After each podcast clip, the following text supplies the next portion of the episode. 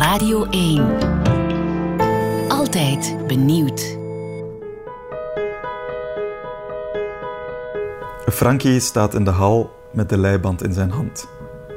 Hij werpt een vluchtige blik in de spiegel boven het wandtafeltje. Papperige wangen, wijkende haargrens, borstelige wenkbrauwen, litteken in de vorm van een lichtjes geopende mond. Zijn rechteroog is rood beaderd en traant. Zijn blik glijdt over zijn borst, naar beneden, zijn ballonnenbuik. Hij zou wat aan zijn conditie moeten doen.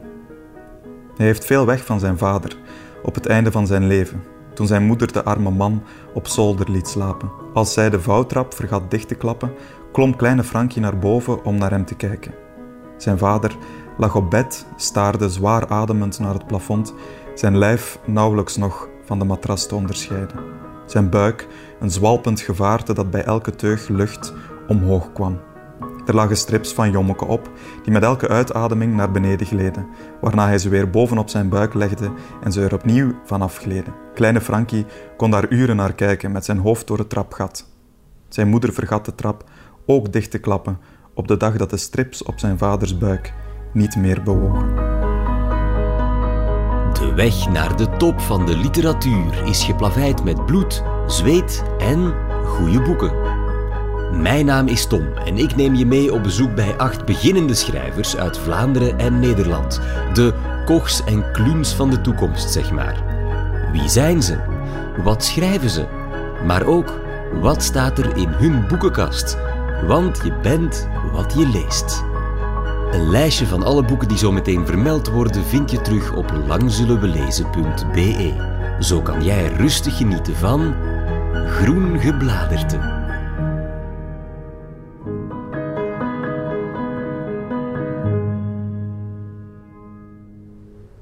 Ik ben in Gent, in een straat met een tram, zoals je nog af en toe zal horen, denk ik. En vandaag ga ik op bezoek bij Hans de Pelchin. Hij is net 30 geworden, hij is uh, leerkracht woord. En op momenten dat hij dat niet is, is hij podiumperformer met literair muzikale experimenten. Hij is toneelschrijver en sinds kort is hij ook romancier. Ik heb net dat eerste boek van hem, die woelige stadsroman Weekdier, uit. Maar voor we het daarover kunnen hebben, wil ik eerst eens in zijn boekenkast neuzen. Hallo? We zijn er. Yes. Thanks. Hey. Waar staan de boeken in jouw appartement? De boeken staan in mijn salon, in een, uh, in een witte stellingkast. Het is niet alfabetisch, dat zie ik al. Nee, het is niet alfabetisch. Zo, zo, zo neurotisch ben ik. niet, ook niet op genre, maar meer op taal eigenlijk. Dat, linksboven is, zijn mijn klassieken. Ik heb klassieke talen ook gestudeerd. Ah ja, ja. Dat is theater. Zo. En dan vanaf daar is vertaalde literatuur. ja. En dan, um, dat is theoretisch tot aan Tolkien en dan begint, um, en dan begint Nederlandstalig zo. En dan gaat het terug naar boven, ja, het slangetje. Ja. ja. En hier is er dan een stukje poëzie. Wat is het, het laatste boek dat je gelezen hebt? Of ben je in iets bezig? Uh, ja, ik ben in, in, in, veel dingen tegelijk bezig. Uh, ik, ik, lees altijd een, een, combinatie van, van theoretisch, theoretische dingen, uh, of zo filosofischere dingen, en, en dan een roman.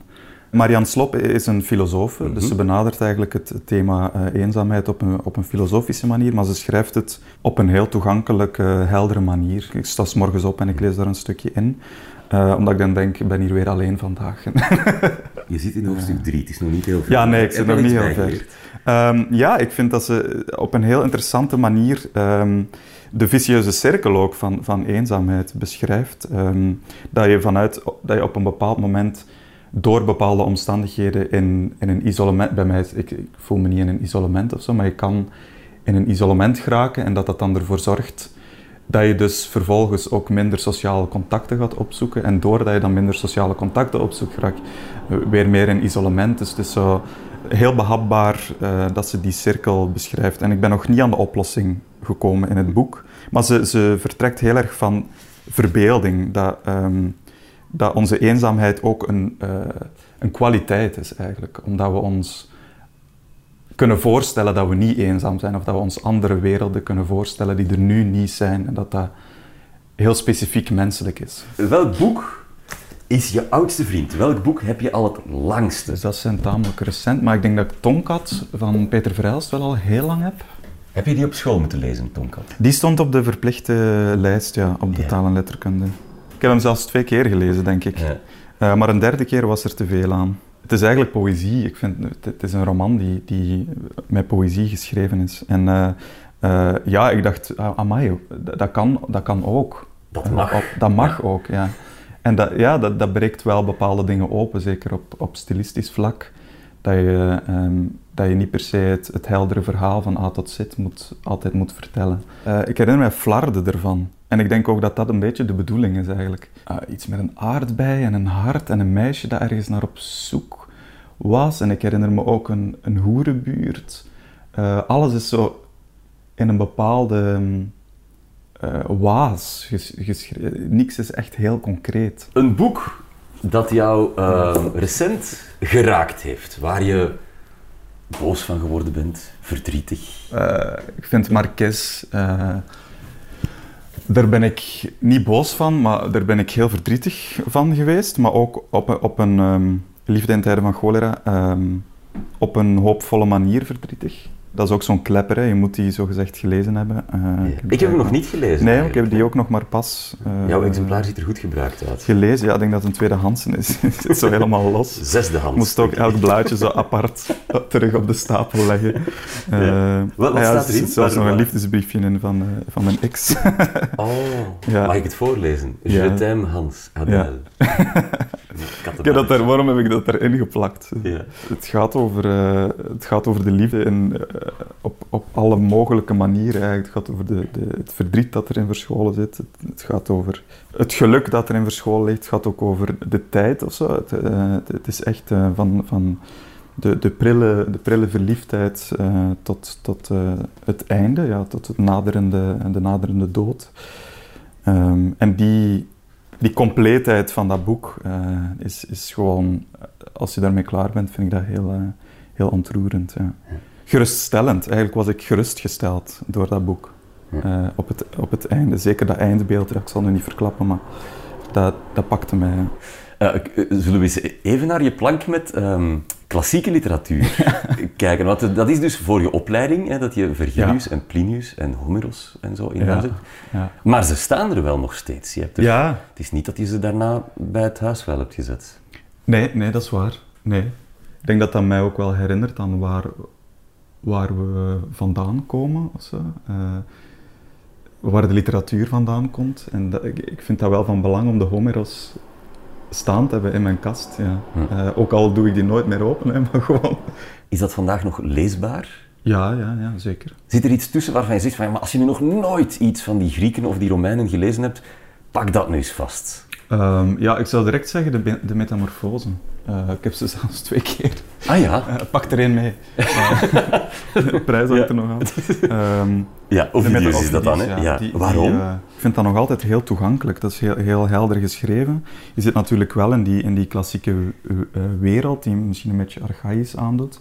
Maar het, het gaat wel over relaties, het gaat over de liefde, het gaat over seks. Het gaat, het is, dat, is, dat is heel... ehm, ja, ik kan me daar nog altijd heel erg toe verhouden, ook al is dat zo oud. Eh, dat begint ook met het ontstaan van de wereld, dus dat is eigenlijk ook een soort van bijbel, zou je kunnen zeggen. Eh, natuurlijk is er ook wel heel veel om te doen, hè, want ik bedoel, de man-vrouw verhoudingen in dit boek, dat is, dat is compleet van de pot gerukt. Hè. Dat, dat, dat kan je niet maken, eigenlijk. Eh, dus dat, je moet dat ook wel een beetje in zijn tijd zien, natuurlijk, want anders... maar eigenlijk het mooiste vind ik eraan dat, dat die metamorfoses ehm, zelf, dus op een bepaald moment, eh, ja, veranderen figuren en nymfen en, en halfgoden veranderen van gedaante. En die momenten van hoe die bijvoorbeeld in een, eh, in een boom, in een laurier, eh, boom veranderen, dat soort dingen, dat, dat is Mhm. gewoon heel, heel mooi geschreven. Is er een boek ehm, waarvan je nu zelf al de hele tijd zit te denken van oh, ik hoop dat hij daar iets over vraagt. Laten we het daar eens over hebben. Eh, maar ik, ik ben aan het twijfelen tussen Pfeiffer en Clouds en eigenlijk ja, ga- zou het toch over hetzelfde gaan, denk ik. Ja, Pfeiffer is op dit moment eh, een, een monument eh, en Clouds was dat dan in zijn tijd. en blijft ook onverwoestbaar, vind ik eigenlijk. Niet alles is even goed, maar De Verwondering vind ik een van zijn beste romans. Ja. En ik vind, ik vind, ik weet niet, als jonge schrijver vind ik het leuk om naar dat soort figuren op te kijken, omdat ik dan denk, ja, dat kan. Ik, ik, ik, kan dit, ik zou dit ook kunnen zijn of zo, Hm. over zoveel jaar. En eh, ik denk dat, dat, dat je dat wel nodig hebt om, om op te kijken naar mensen en ook stilistisch te voelen van, ah ja, ik, ik heb daar een zekere verwant, ik voel daar een zekere verwantschap eh, mee. De verwondering gaat over een eh, leraar. Het begint met de leraar stapte naar de lift of zo in verwondering.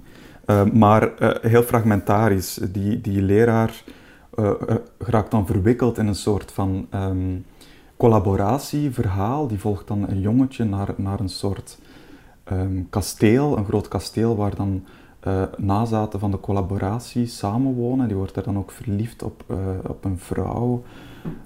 En dan vlucht hij daar weg. Ik zie ook die beeldentuin, die beschrijving van de beeldentuin naast dat kasteel, zie ik nog heel erg voor me. Dus je hebt eigenlijk drie perspectieven die door elkaar lopen en die zijn allemaal dezelfde, hetzelfde hoofdpersonage. En ook Pfeiffer rekent af, maar met iets heel anders hè, in Grand Ja, Europa. ja.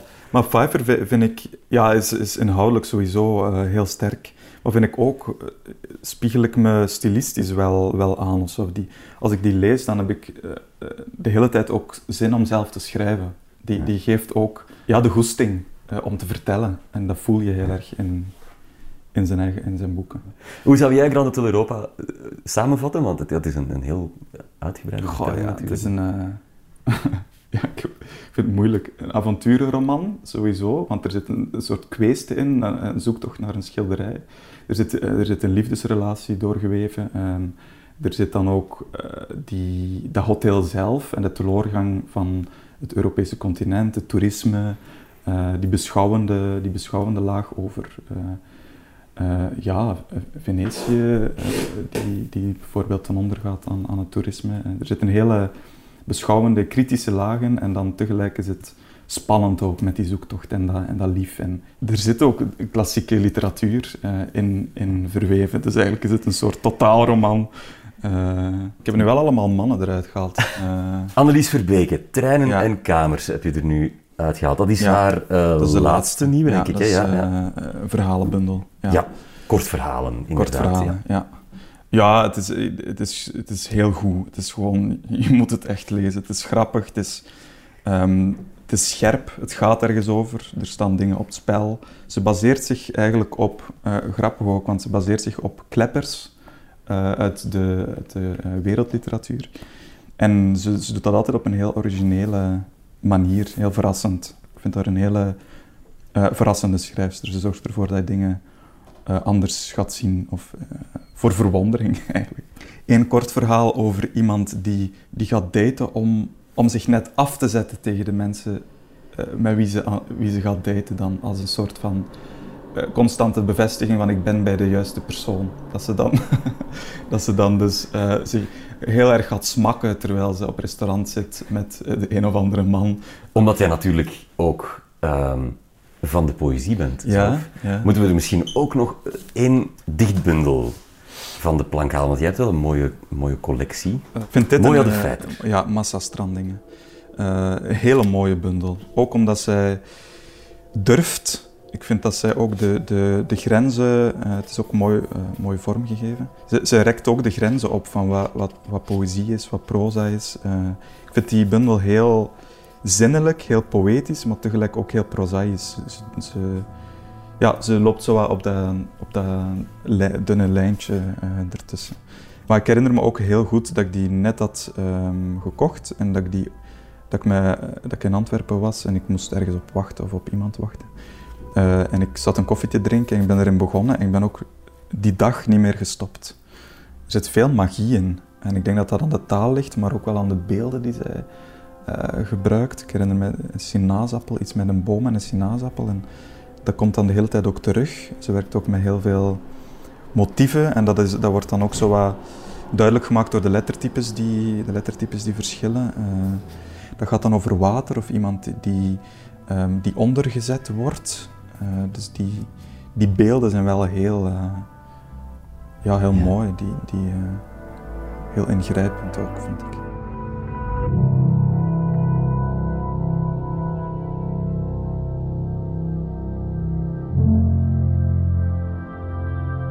Dit is Groen Gebladerte, een podcastreeks over acht debutanten van eigen bodem. Ik ben op bezoek bij Hans de Pelchin in Gent en zo meteen geeft hij mij nog één ultieme leestip. Maar eerst halen we zijn eigen romandebuut uit de trek. Weekdier, de in elkaar verstrengelde verhalen van de getroubleerde bewoners van de Bevrijdingslaan, die allemaal op hun manier op zoek zijn naar bevrijding. Of is het bevrediging? Uh, Weekdier is een uh, roman over een, een, straat in de stad. Uh, en die straat staat op het punt om te verdwijnen. Dus er moet één kant van de straat wijken voor een verbreding van de weg. Um, en tegelijk eigenlijk focust um, mijn boek zich op vijf figuren die in die straat wonen.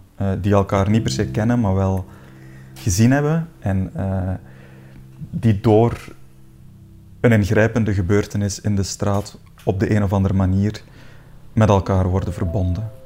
Die vijf figuren, dat zijn, het is een, eh, een fotograaf, een actrice, een pianist, uh, een beeldhouwer, een recensente. Het zijn allemaal kunstenaars. Ja. Dat is geen toeval. Dat is geen toeval, nee. Uh, dat, dat bleek na in het begin was ik aan het schrijven alsof het een kortverhalenbundel zou worden. Dus na de tweede, het tweede personage, dus Frankie, en dan was ik aan Colin bezig, dacht ik, ah, dit is nu ook iemand die in de kunsten bezig is. Dus blijkbaar wil ik daar iets over vertellen. ja. Dus dat die metalaag er sowieso in zit. Metalagen, daar ben jij goed in. ja, want ik, ik, ik ging dan vragen van, ja, maar wat is het precies waar die kunstenaars naar op zoek zijn? Maar dat, dat laat zich niet benoemen. Daar kunnen we het over eens zijn. Er gebeurt heel veel in dit boek. Ik las in een recensie. Het zijn personages die op zoek zijn naar bevrijding. Ze wonen in de bevrijdingslaan. En ze doen dat door uh, zich te wentelen in kunst en seks. En ik zou daar ook aan durven toevoegen zelfbeklag. Mhm. Het zijn een beetje zielenpoten. Ja, ja dat klopt. Hoe Ja. komt dat? Hoe komt dat? ja, ik denk dat, dat, dat sowieso was ik zelf, eh, zat ik op dat moment ook wel op zo'n punt, denk ik, eh, in mijn leven, dat ik me heel, veel, eh, me heel veel vragen stelde over van alles. En dat houdt eigenlijk nooit op, denk ik nu, eh, sowieso. Het, het, gaat heel erg over ehm, dingen die in relaties aan de hand zijn, of wat is de liefde, eh, wat, wil ik eigenlijk? Eh, wil ik, wil ik in een mooi huis in de stad wonen met een, een- een, degelijke Peugeot voor de deur en de geraniums op de vensterbank? Of wil ik toch beantwoorden aan een soort beeld van de kunstenaar dat dan zogezegd liederlijk is en avontuurlijk en moet ik hier niet uitbreken om dan weer goed werk te kunnen maken? Eh, dus het is eigenlijk ook wel een, een soort afrekening met wat dan het imago van de kunstenaar moet zijn. Dat gaat heel ver, dat, dat, die pose van de kunstenaar. De, de Ciffer, de beeldhouwer, die maakt er zelfs misbruik van om serieel ontrouw te kunnen zijn aan Ja. zijn vriendin. Hij veroordeelt zijn vriendin tot een soort... Hij zegt, ik heb een balie gekocht. En hij zet haar als receptioniste Ja, eh, in de gang ja, en ontvangt de ene minnares na de andere, allemaal onder het mom van de zoektocht naar een muze. ja, De hypocrisie van de kunstenaar ten top. ja. Ja, Cipher is wel Ja.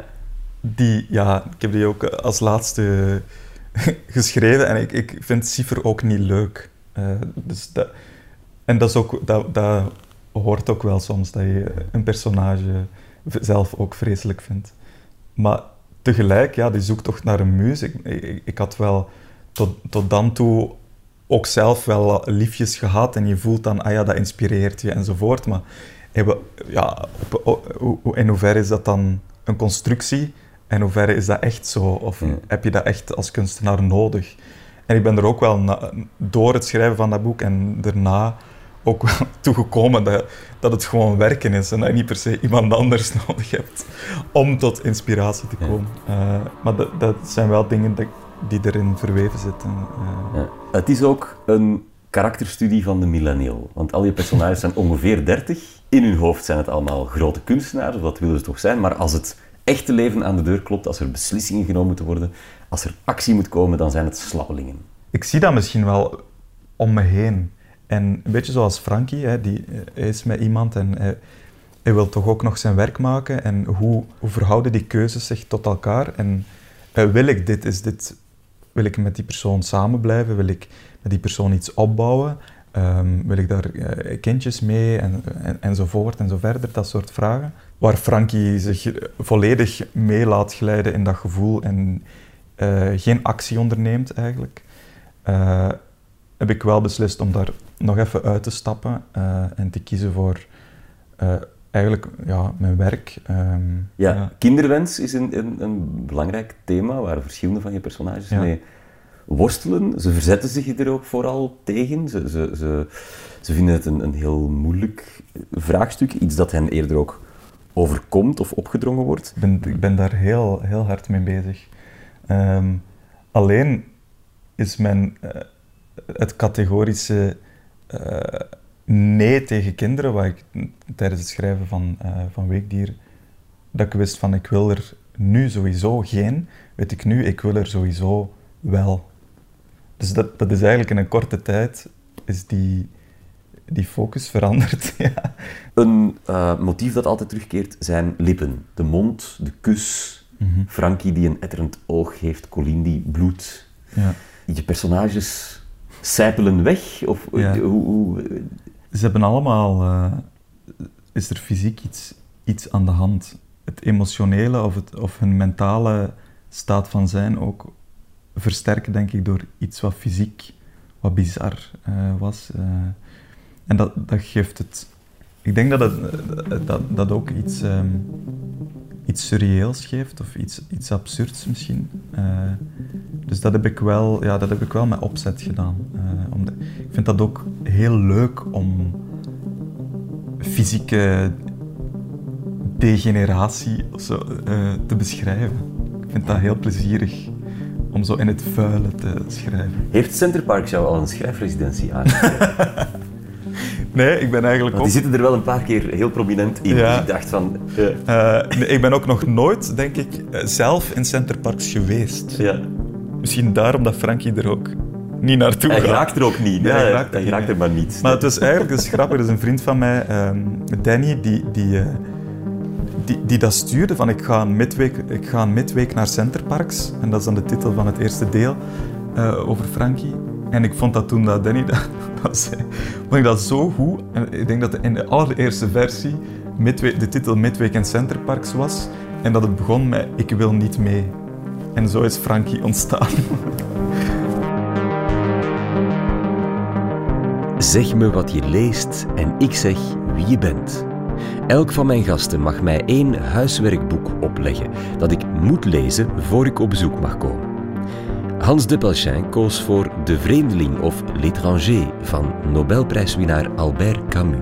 Protagonist Meursault schiet op klaarlichte dag een man dood. Hij heeft daar geen enkele verklaring voor. Hij lijkt het hele systeem van samenleving en justitie gewoon niet te begrijpen. Het is met zoveel gemak, precies, geschreven, dat het me ook weer een soort van toestemming geeft om met gemak te schrijven. Uh, het is gewoon een hele goede schrijver. Die hele korte uh, observaties eigenlijk, zonder te veel emotionele lading. Uh, ja, dat, dat, dat heeft mij naar adem doen happen eigenlijk. Jouw personages gaan nog op zoek naar een connectie. Ze proberen nog, ze worstelen ermee. Ja, ze zoeken nog naar betekenis. Meursault in L'étranger, die, die heeft het helemaal opgegeven. Ja, er, er, het is daarom ook dat, dat ik hem in deze tijd nog altijd wel interessant vind, nog altijd wel actueel vind, omdat het wel een, ik denk dat er wel dat soort mensen zijn, en misschien nog meer dan in de tijd van Camus. Want er zit een soort van nonchalance in, of een soort uh, ja, een apathie in, die denk ik veel mensen vandaag ook wel voelen. Uh, dat, we, ja, dat ze op zoek zijn naar bepaalde extreme uh, ervaringen en zelfs dan moeite hebben om iets te voelen. Is hij niet gewoon een sociopaat? Is hij niet gewoon ziek? Je herkent jezelf er niet per se in, maar ik snap hem wel. En ik denk dat dat het het verschil maakt. Ik denk dat je eh, sociopaten of psychopaten misschien op, tot op een bepaald punt snapt en dan niet meer. Maar hem snap ik de hele tijd wel. Ja. Uh, we, moeten de hele tijd dingen voelen. En hij heeft dat dan niet. En ik vind dat dan als tegenstem heel boeiend. Dat, dat zorgt ervoor dat, dat ik mij ook die vragen stel van ben ik eigenlijk bezig met het belang van de dingen en met dingen te voelen en hoe dan? Dus ik denk dat zijn personage, dat die apathie je totaal tegen de borst kan stuiten, maar dat, dat het je ook wel kan geruststellen op bepaalde momenten. In het Frans is dat dan elle, elle aurait pu vivre de telle façon. Ze had op zo'n manier kunnen leven, mais elle aurait pu vivre de telle autre. Ze had op, ook op een andere manier kunnen leven, zegt hij dan over zijn moeder, denk ik. Ja. En dat vind ik dan zo, ah ja, dat zou kunnen zijn, maar dat ook zou kunnen zijn. Dat, dat, dat Ja. stelt me heel erg gerust. Het zijn die momenten in dat boek dat ik dan denk, oh dank u, ik Alle boeken die in deze podcast de revue passeerden, vind je terug op langzullenwelezen.be, het boekenplatform van de openbare omroep. Als je inspiratie vond in dit gesprek, dan hebben we ons doel bereikt. Deel gerust je enthousiasme met een beoordeling of een aanbeveling in je favoriete podcast-app. Daar kan je ook de vorige twee seizoenen van Groen Gebladerte beluisteren. De prachtige muziek die je hier hoort werd speciaal voor ons gecomponeerd door Sander de Keren.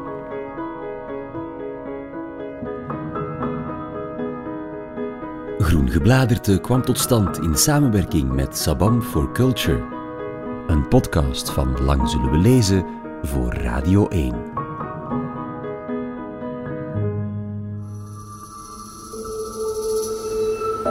Dit was Groen Gebladerte, een podcast van Radio 1. Ontdek nog meer podcasts van Radio 1 in onze app of op radio1.be. Radio 1. Altijd benieuwd.